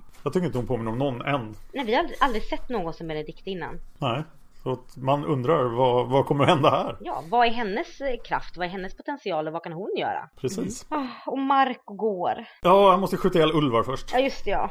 Jag vill hoppa över den. Den är så jättehemsk och jobbig. Där måste jag ju ställa frågan också. Hade han inte något magiskt sätt att lösa det här? Tycker man bu buller och bång eller, eller svartänglar eller någonting? Var han tvungen att döda Ulvar? Jag, jag funderade på det också. Men hur hade han... Alltså Ulvar var ju alltså, en sekund från att skära halsen av Benedikt. Jag tror att det här var det enda han kunde göra. Ja, ja men det, det är väl så det är meningen att det ska läsas. Mm. Och det är jättetragiskt om vi hade känt Marco alls. Men vi, vi misstänker ju att han bryr sig om Ulvar i alla fall. Ja, jag tycker faktiskt att det enda vi lärt känna Marco är ju just att han har brytt sig om sin bror och varit den här voice of reason för Ulvar. Så även fast Marco är en rätt anonym person så tycker jag att det blir jobbigt att han måste skjuta sin bror. Ja, och bra på att skjuta var han också utan någon träning alls. Ja, tänk att det var på rätt nära håll. Och sen tycker jag ju också att det måste vara rätt svårt att skjuta ändå och träffa Benedikte precis framför. Och, och sen tycker jag han bara kunde ha fått gått iväg. Vi hade inte behövt den här, ha den här scenen med svartänglarna på åsen heller. Nej, precis. Eller liksom att han visar att vargarna kom från honom. För det vet man ju på något sätt. Ja, men det kanske, det kanske var fanns en eh, rim och reson att han, han var tvungen att tala om det för att lugna de andra. Ja, i och för sig, det är sant. Men sen går han bara iväg och han skulle vara så skönt mystisk om han bara gjorde det. Men sen kommer en till sån här Precis likadan scen egentligen som vi hade i förra boken. Mm. När Svartänglar måste leverera lite exposition. Ja, det hade ju blivit bättre om vi hade lämnat till läsarens historia. Jag hade ju varit mer okej okay med att, att vi tog bort den här och sen hoppade direkt till slutstycket när Henning kommer hem med Agneta. Ja, det finns ju faktiskt ingen vettig information i det här stycket heller. Det är dels att de inte kunde göra någonting hos Ulvar. Eh, och sen är det att nu börjar din lärotid. Och Marco bara, nej men jag har gått i skolan i massa år, måste jag göra ännu mer? Det enda som är bra i och för sig är att vi som läsare får reda på att då den utvalde är då eh, Agnetes barns barnbarn. Det får inte de andra reda på inser jag. Ja just det, förlåt. Det, ja det stämmer. Så vi som läsare har har den här informationen. Men inte isfolket och det suger ju på riktigt. Ja, det känns ju som att förfäderna har koll på det. Eller de kanske inte vet exakt vem det är. Hur vet svartänglarna det? De kan se in i framtiden. Men det här stycket som är just när Marco och Svartänglar står i skogen, det känns ju som det är bara för oss läsare och lite skrivet på näsan att Marco kommer komma tillbaka någon gång och åh, Tengil Nonda är stark. Man bara ja, det vet vi på riktigt. Jag vill skit i det, jag vill veta hur det går för Agneta och Henning. Och det får du veta senare. Ja! I nästa bok. Det här var ju en fantastisk bok. Den kvalar ju lätt högt upp på listan över mina favoritböcker nu när jag läst den som enskild bok och inte bara som en eftersläpare till Lucifers kärlek. Ja, det blir speciellt att bara läsa böckerna. Läsa böckerna med två veckors mellanrum så här. Det, de kommer till sin rätt mer tycker jag än vad de har gjort under tidigare genomläsningar. ja, man skummar inte igenom dem på samma snabba sätt utan man tänker över dem mer och som du och jag gör, vi analyserar ju allt i dem. Ja, allt. Mm. I en timme har vi pratat redan och vi kommer fortsätta prata. Ja! För ni, ni har ju fått komma med synpunkter. På isfolket.se kan man klicka på forum och då kommer man till vårat forum. Där kan man lämna synpunkter på böckerna. Vi lägger upp frågetrådar där. Vi finns också på Facebook. Leta efter Sagan om Isfolket-podden där. Vi vill jättegärna ha iTunes-recensioner. Om ni lyssnar på det här på iTunes får ni väldigt gärna lämna en recension. För det gör att vi kommer högre upp på topplistorna på iTunes. Och vi ligger ganska högt upp på topplistorna men vi vill komma ännu högre. Ja! Så har ni inte gjort det än så ge oss en iTunes-recension. Precis. Men nu ska vi läsa era svar. Ja, första svaret kommer från Heike. Och vi ställde ju i vanlig ordning frågorna Vad tycker du om boken? Vilket är bokens bästa ögonblick? Och vilken är din favoritkaraktär och varför? Och Heike skriver så här. Jag ser fram emot att följa de två små pojkarna och Henning efter det ödesmättade slutet i förra boken. Boken är bra med de starkaste delarna i början och i slutet. Jag får ont i hjärtat när Henning står alldeles ensam med de små nyfödda pojkarna. Hans egna föräldrar är försvunna och Saga är död. Han är så tapper när han tar hem barnen, förklarar för Line vad som hänt och tvingas försvara sig mot alla bygdens tanter. Bokens bästa ögonblick, det är scenen när Henning, då hans föräldrar kommer hem. Det är lycka och sorg på samma gång och återigen tvingas Henning vara stark för alla inblandade. Sista meningen i scenen ger mig rysningar och jag läser Och nu kom Viljar av isfolket. Med okuvlig viljekraft hade han tagit sig hem för att dö. Oh. Uh, ryser. Heike fortsätter sedan. Den mest spännande scenen i boken är nog när Ulvar tar Benedikte till fånga. Från det att Vilja kommer in och säger Ulvar står på gården till det att Marco skjuter sin bror sitter jag som på nålar. Favoritkaraktär? Ja, det får nog bli Henning för hans tapperhet, ensamhet och utsatthet. Samt Ulvar för hans kantiga och barnsliga elakhet. Övriga tankar då? Svartänglarna hela Sagotaren henne med sig. Men varför kunde de inte bara hela henne? Var det Lucifer som helt själviskt ville ha henne för ha henne hos sig eller fanns någon annan anledning? Svartarna säger bara att det måste bli så. Det känns ju som att det vore en bättre idé att hela sagan som kan vara en mamma till sina barn istället för att göra dem föräldralösa. Jag har för mig att jag kommenterade det förra gången men jag, jag tror att man ska vara väldigt försiktig med att tro att Lucifer är en god kraft. Alltså Lucifer är ju på sin egen sida som ju han har visat i och med sitt uppror mot Gud. Så att jag tror att det här är en, en självisk akt av Lucifer, garanterat definitivt. Han har ju en egen agenda trots allt. Mm, och sen kan det ju vara sådana saker som att han, han vet att i, i de svarta salarna så ja, får Saga vara hos honom istället och eh, annars är hon där ute och springer omkring med barnen då kommer hon ju bli gammal och det är inte så roligt. Ja, men precis. Heike fortsätter vidare genom att säga vilken start Ulvar får i livet. Jag blir så arg när jag läser om hur kvinnorna täcker över hans ansikte och bara lyfter på täcket för att få rysa lite över hans utseende. Och varför vill inte ens Line ta i honom? Hon är från Eikeby och hennes släkt har levt vid sidan av isfolket i många århundraden. Ändå är hon rädd för djävulsbarnet eftersom hon har en stor familj som inte kan förlora henne. Det stämmer ju inte. Återigen får Tarad en orättvis bedömning. Malin säger att han var bara svag, stackars Tarad. Han var ju till exempel en jättebra godsägare. Ja. Faktiskt ja. Tänk den onde lyckas nästan få Ulva att väcka honom med en flöjt. Något jag reagerar på är att Innan Tulla råkade ut för samma sak så var det aldrig någon ättling som hamnade under Tengilnundes vilja och blev besatt av att spela flöjt. Men på bara några år så drabbas Tula, Heike och Ulvar. Det tror jag jag kan förklara. Ja, hittills. Och det är just att Tengil den onde har ju försatt sig i dvala för att världen inte var tillräckligt utvecklad. Men vi vet ju från och med Sölve att han har ändrat den bedömningen. Nu tycker han att världen är tillräckligt utvecklad. Så nu vill han komma tillbaka, men han har inte velat innan. Ah, så nu vill han faktiskt bli väckt. Precis, mm. så att eh, därför har ingen annan drabbats av det. Det är eh, en förklaring som håller. Heike fortsätter genom att säga Agnete blir våldtagen av Ulvar och så skriver hon från boken och jag läser Men det skulle säga till hennes ära, hon kämpade emot hela tiden. Heike säger så om hon tvingas ge upp av utmattning och rädsla hade hon börjat skämmas, eller? Och sen en arg smiley. Uh, ja. Jag kan nog uh, ge lite input på det. Okej. Okay. Mm, jag tänker så här, de här böckerna skrevs ju för väldigt, väldigt länge sedan. Så här, 1986 kom den här ut, det är 30 år sedan. Synen på våldtäkt och våldtäktsoffer har ju förändrats mycket sedan den tiden. Men jag tror att det här är ju skrivet i en tid av hur våldtäktsoffer skulle bete sig, hur de förväntades att vara för att man skulle vara ett riktigt offer. Så att jag tror det är skrivet utifrån den synen som rådde då, den tidens syn på våldtäkt. Att då skulle en kvinna kämpa mot, annars var man skamlig. Och också det att den synen som var på Eh, 1800-talet så, så speglas det också att då skulle man kämpa emot som kvinna. Jag tycker inte det är en bra syn och jag tycker det är lite sunkigt att det står så men jag tror att man måste se den anda av både tidsåldern när böckerna skrevs och 1800-talsandan. Ja, fast det är Margit som talar där så att det är 80-talsandan snarare än 1800-talsandan skulle jag säga. Men eh, det är riktigt allvarligt. Det, man får inte lägga någon skuld på ett våldtäktsoffer här. Nej. Man har ju liksom inga, inga etikettskrav på att bete sig på ett visst sätt när man blir våldtagen. Nej precis, det ska inte vara liksom att men gjorde du exakt så här så är du ett våldtäktsoffer annars är du det inte. Utan all skuld vid en våldtäkt ligger på våldtäktsmannen. Ja, det är ju en väldigt hemsk scen. Men just den här sista formuleringen som Heike reagerar på är väldigt sunkig. Ja, det håller jag med om. Mm, den hade man kunnat stryka och det hade inte gjort vare sig till eller från. Nej, man, man kan ju också ifrågasätta just Det har vi pratat om förut, men våldtäkt som ett ett litterärt verktyg. Mm. Våldtäkten används ju som ett plotterredskap här för att föra handlingen framåt. Ulva måste föra linjen vidare så därför blir det våldtäkt. Ja, och det kan mycket väl spela in också i det här stackars barnets liv att det har hänt. Ja. Men jag tror att just det här fallet är väl ett exempel på där om man nu ska använda våldtäkter i böcker så har ju det här ett väldigt tydligt plottsyfte. Mm. Och vi har ju inte fått läsa om att Ulvar sprungit runt och våldtagit tjogtals med folk.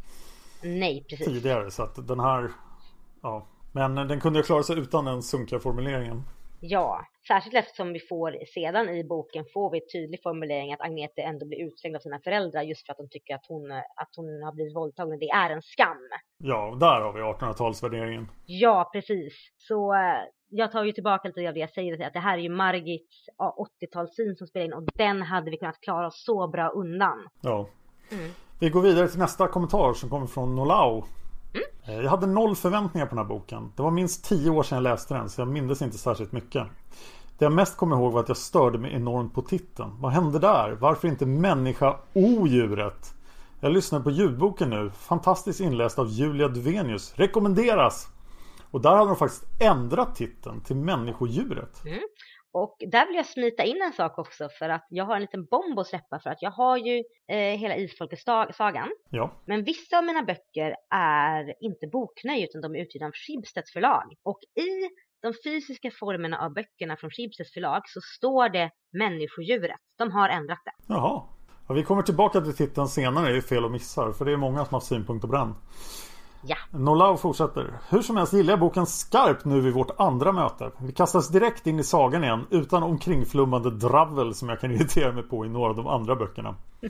Här är isfolket från början till slut och vi är helt tillbaka i Gråstensholm. Hurra! Yay! Början är riktigt hjärtskärande.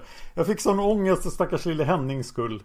Det är riktigt bra beskrivet hur hjälplös han är med tvillingarna. Hur jobbigt det är med alla nyfikna som springer på Lindalen utan att vara till någon direkt hjälp. Och så måste han se hur hemskt alla behandlar Ulvar som han har lovat att skydda och ta hand om.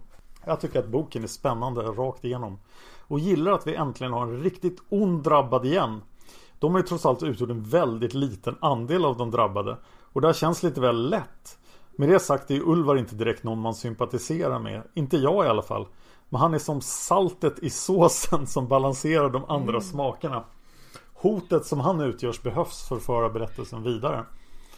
Och det håller jag med om till 100%. Definitivt. Vilket är bokens bästa ögonblick. Det får nog bli när Viljer och Belinda återvänder till Lindalen. Jag är väldigt svag för återföreningar och den här är så bitterljuv. Glädjen i att de är tillbaka och sorgen i att de är så sjuka båda två. Annars gillar jag när Malin sätter vålden på plats och när Agnete häller ut Ulvars potta över honom. Jag reagerade som Heike på insticket om att Agnete kämpade emot under våldtäkten. Rutten jävla skitkommentar som är totalt onödig. I och med att den kommer från allvetande berättaren står den ju tyvärr för någonting annat än om den kommit från en karaktär i boken. Mm. Vilken är din favoritkaraktär och varför? Malin, för att hon kämpar så hårt. Övriga tankar? Jag köper inte riktigt att Ulva läser böckerna om isfolket. Han har lärt sig läsa i en relativt hög ålder, vilket såklart är möjligt. Men klarar därefter att läsa och ta till sig tjocka och handskrivna böcker som är väldigt gamla. Språket lär förändras en hel del sedan första böckerna skrevs. Och Ulvar är ju allt annat än bildad. Nog för att han har superhög motivation och det nämns att det tar väldigt lång tid för honom. Men jag tycker inte att det känns rimligt. Det handlar inte bara om att knäcka läskoden för att kunna ta till sig en skriven text. Jag förstår dock att det är viktigt för sagan att han ska kunna läsa böckerna. När jag ändå är inne på språkspåret vill jag passa på att förtydliga en sak som jag retade på rejält i en tidigare podd. Mm. En kommentar som jag hade skrivit blev tagen ur sitt sammanhang för rättfärdiga att Heike kunde tyska. Min kommentar var endast ett svar till Silja Arngrimsdotter som skrev att hon hade lätt för att lära sig tyska efter att ha bott i Tyskland som liten, flyttat därifrån, glömt tyskan och sen börjat lära sig igen. Om man läser den kommentaren jag hade skrivit innan hoppas jag att det framgår att det är helt orimligt att Heike kunde både svenska och tyska och förstod sagan när Sölve berättade den. Det enda språk han borde ha kunnat är hans fosterföräldrars språk. Bortsett från att han aldrig borde ha lärt sig svenska på grund av hans fruktansvärda uppväxt med trauman och extremt lite språklig och kommunikativ stimulans glömmer man språk man inte använder. Det kan vara lättare att lära sig dem igen sedan men de kommer inte tillbaka automatiskt. Heike hade inte ens hört svenska eller tyska på mer än tio år. Oj. Ja, då får vi be om ursäkt för att vi ryckte ut den kommentaren ur sitt sammanhang. Ja, förlåt. Och nu hoppas vi att det framstår tydligt för alla efter det här klargörandet. Mm -mm. Fortsätter. Eh, återigen, tack för en jättebra podd. Jag ser fram emot varje avsnitt. Gillade framförallt när ni spånade om hur förfäderna hittade Paul på Tinder i förra avsnittet. ja. Ja, sen har vi första kommentaren från en användare ja, som du får ta. Ja, det är Akasha ja. som eh, vill välkomna till forumet. Hurra! Och Akasha skriver så här. Jättebra bok, håller en hög kvalitet rätt igenom. Det händer mycket och historien förs framåt. Hatar ulvar men det är spännande med en riktigt elakt drabbad igen. Jag tror faktiskt att det här är en av mina favoritböcker för den är spännande hela tiden. Bokens bästa ögonblick, det finns många, men när Ulvar träffar den prostituerade och det nämns nästan i förbifarten att han stryper henne. Där får vi verkligen se på riktigt hur genomond han är. Gillar också att han blir tillfångatagen direkt efteråt och hans frustration när flöjten brinner upp. Annars är det oerhört gripande när Viljar och Belinda kommer hem och stackars Henning får tillbaka sina föräldrar i ett så tragiskt skick. Favoritkaraktär? Måste nog säga Ulvar, 'cause I love to hate him. Annars gillar jag både Henning och Malin väldigt mycket.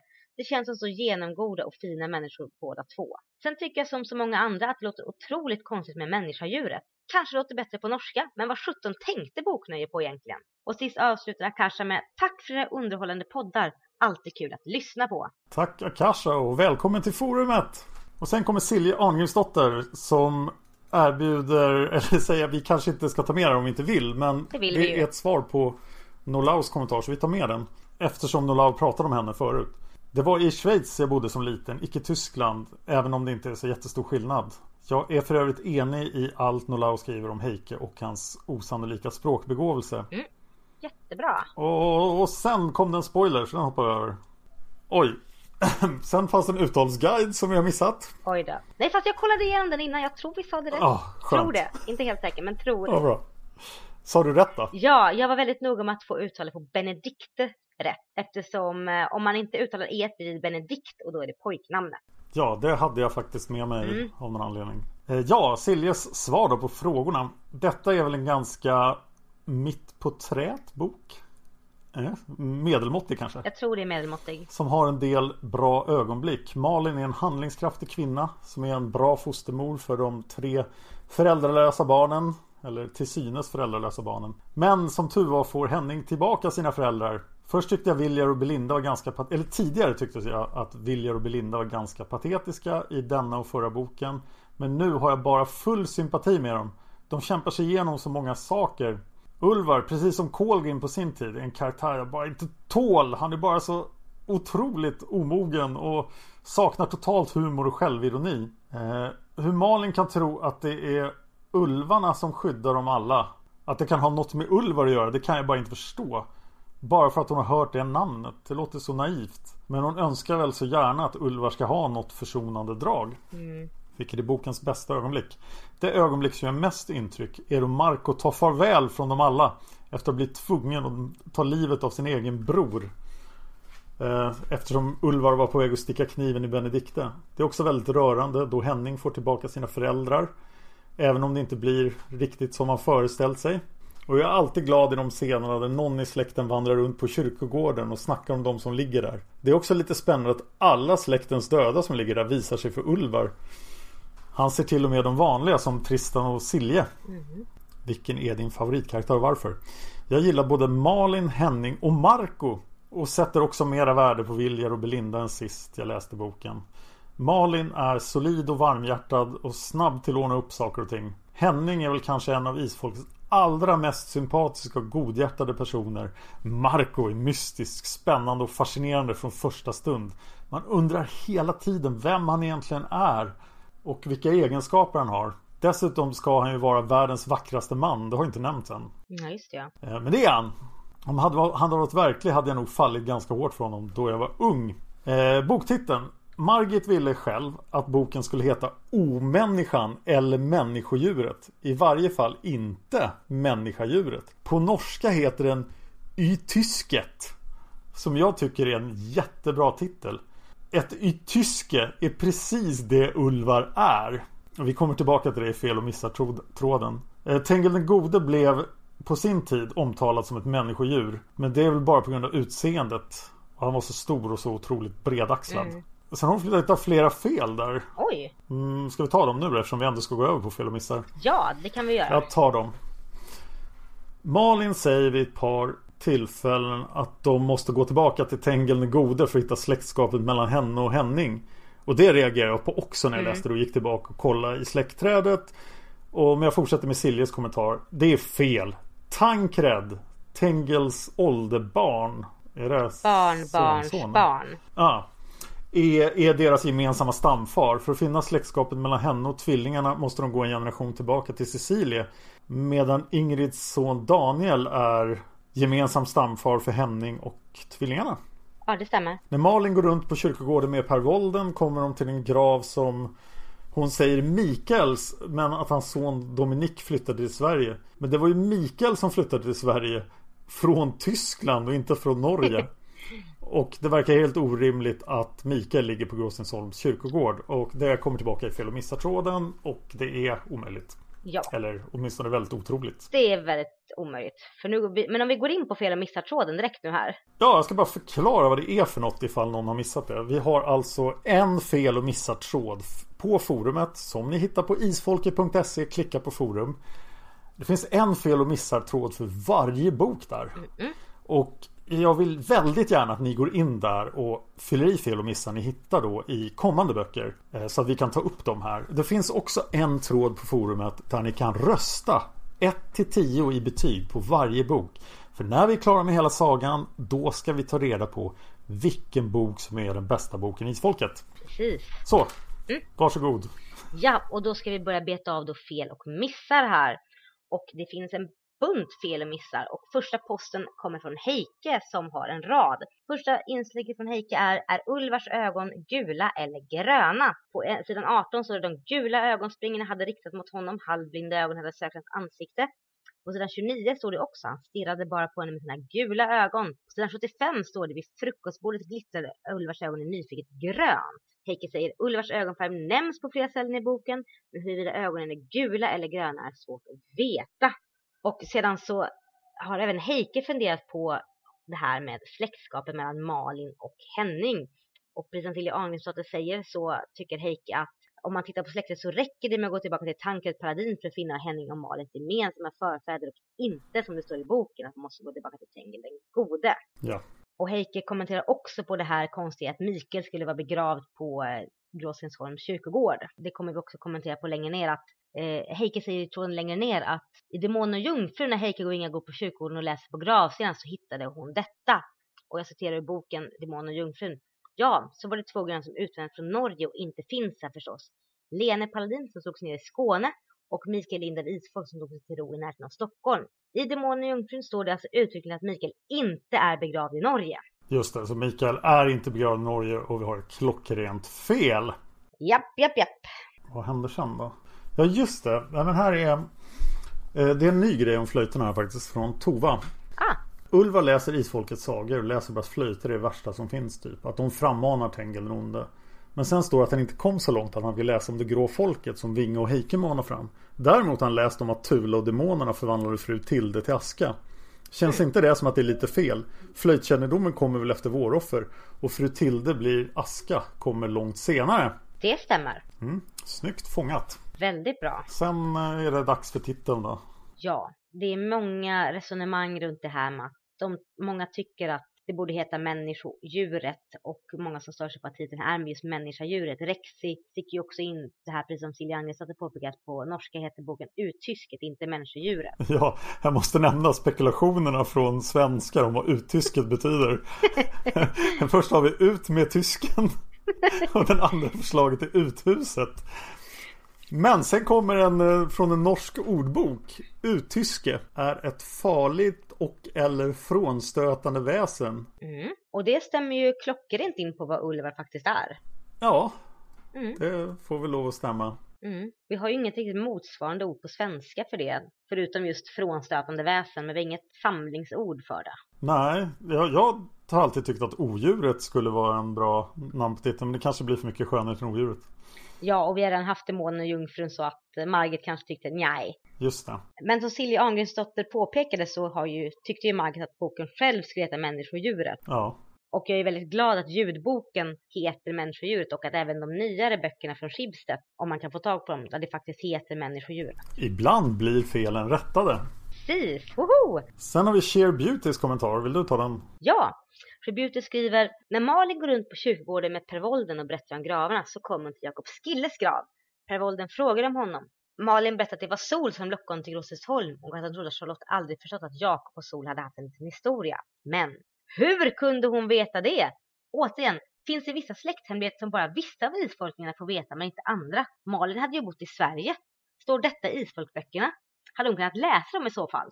Böckerna fanns ju i Norge, på Lindalen. Lika stor hemlighet med att Dag hade satt ut för att dö ursprungligen. Jag menar, om Liv hade berättat det för Mikael tecknade han ju ner det. Så det skulle bli uppenbart för Dags ättlingar att läsa. Ganska olämpligt i så fall. Eller? Får inte detta att gå ihop? Nej, det känns ju som en miss faktiskt. Ja, det känns som en rätt klockren miss. Och jag håller ju med att ibland så flyter det väldigt mycket ihop vad vi som läsare vet mot vad isfolksättlingarna faktiskt eh, förväntas veta. Och just detta med att Sol och Jakob har en historia, det tror jag inte att någon av dem hade sagt, men den som visste om det är Sol, och Sol skrev ju aldrig ner sin historia. Nej, så det borde ju ingen känna till. Precis. Jag tror att den allvetande berättaren har varit där och berättat det för Malin. Ja, han sa, oh, Sol och Jakob, de hade ihop det en gång. Oh. Skvaller från den allvetande berättaren. ja, eh, vi har, och sen har ju Silvia Arngrimsdotter varit här och kommenterat lite grann om just det här med titeln. Ja, det var intressant faktiskt. Väldigt intressant. Vill du ta det? Ja, när det gäller bokens titel så står det i norska utgåvan att originalets titel är Omänniskan. Vad tycker ni om det? Är det en bättre titel på svenska? Eh, nej. Nej. Det tycker jag inte. Det får mig att tänka på omänniskorna i Marvel. Ja. Så att nej, usch. Jag tror att odjuret är ju det närmaste vi kom på svenska, men inte heller det är bra just för som du säger koppling mellan skönt och odjuret. Ja, ja människodjuret kanske är det bästa då. Ja, människo. Med ett O. Nej, och människo-odjuret blir riktigt fult när man skriver ut det. Så det vill man inte att det ska heta. Ja, gudars ja. Det ska vi inte ens ge det på. Men Silja har hittat mer intressanta saker här. Väldigt intressant. Förrest, ja, förresten när jag läser denna listan så ser jag varför en del av de danska böckerna har fått nya titlar i ny utgåva. Tydligtvis, eh, tydligen har Längtan förut hetat Tisten. Dödssynden har hetat Vänskap.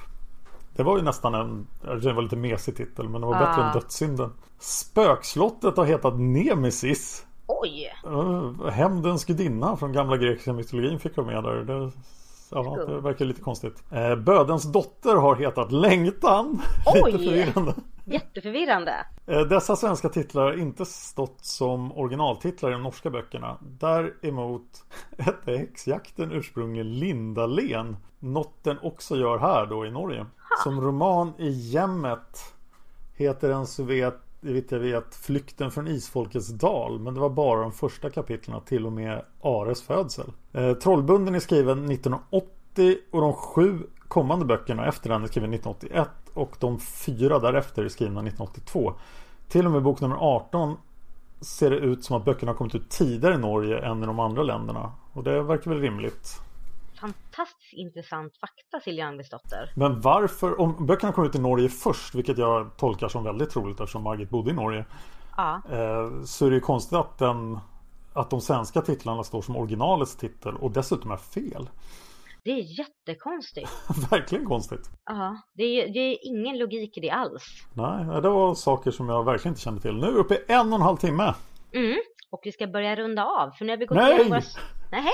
Jo, det ska vi. Ja, vi måste släppa taget någon gång. Ja, vi måste göra det. Det är inte förrän vi kommer till Demonernas fjäll som vi kommer att gå över sex timmar för en podcast. Precis, för vi kan inte podda längre än sex timmar. Det är möjligt att Demonernas fjäll blir i, i flera delar faktiskt. Men vi kommer släppa alla delar samtidigt. Då. Precis. Så, nu har vi gått igenom fel och missar, synpunkter och Dan, vad kan man hitta mer av dig? Man kan hitta mer av mig på många ställen. Jag finns på Twitter som Dan Horning.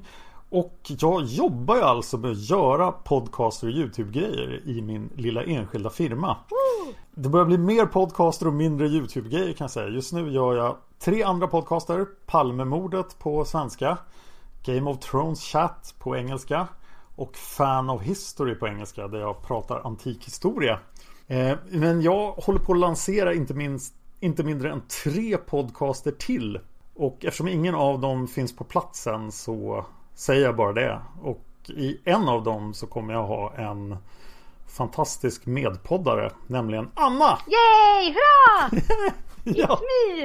Eh, Men jag kommer nämna de andra poddarna när de startar. Bra, vad kan man hitta mer av dig Anna? Ja, jag eh, finns ju på Twitter som Anna Seras och där twittrar jag väldigt mycket just nu om allt möjligt, lite nörderier och lite föreningsarbete.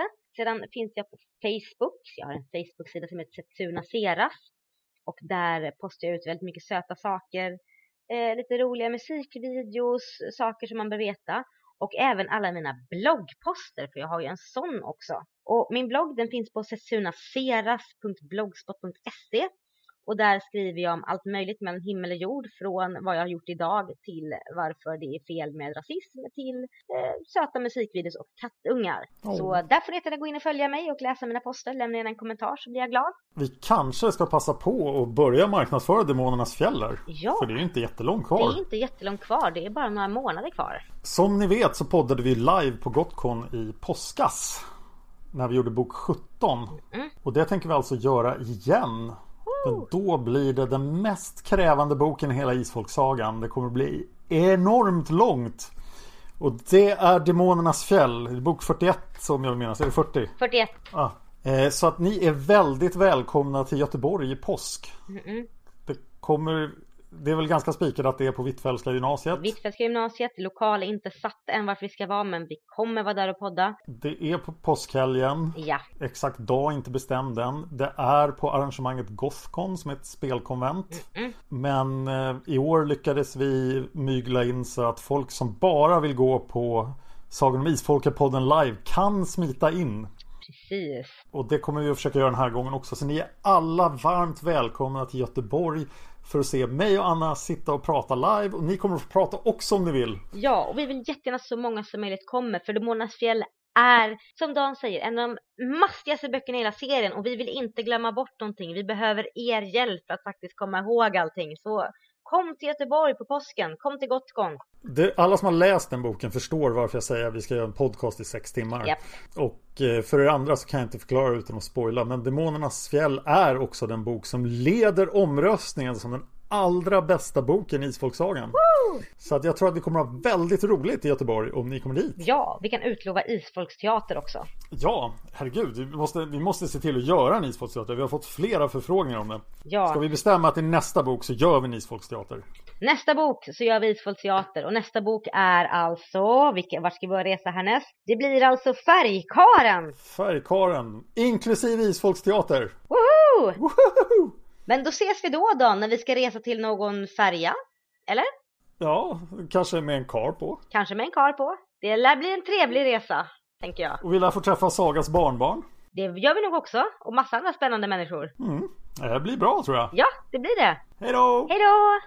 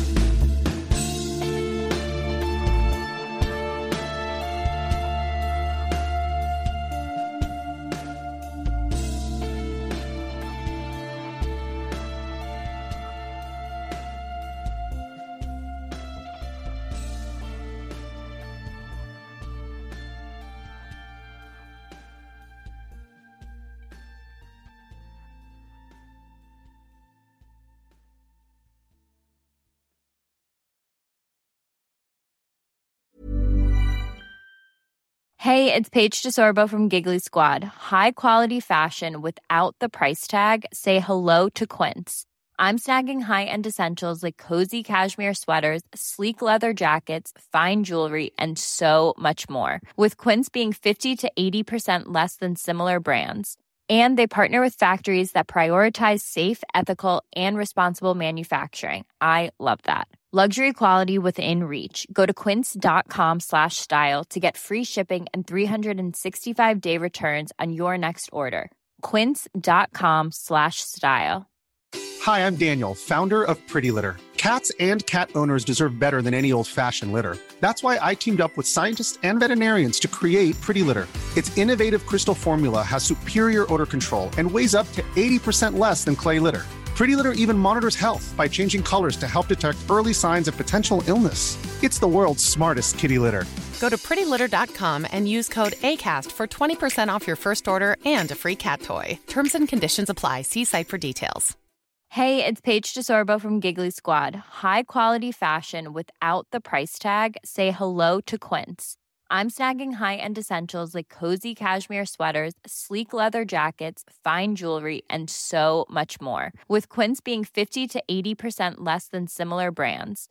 And they partner with factories that prioritize safe, ethical, and responsible manufacturing. I love that. Luxury quality within reach. Go to quince.com slash style to get free shipping and 365 day returns on your next order. Quince.com slash style.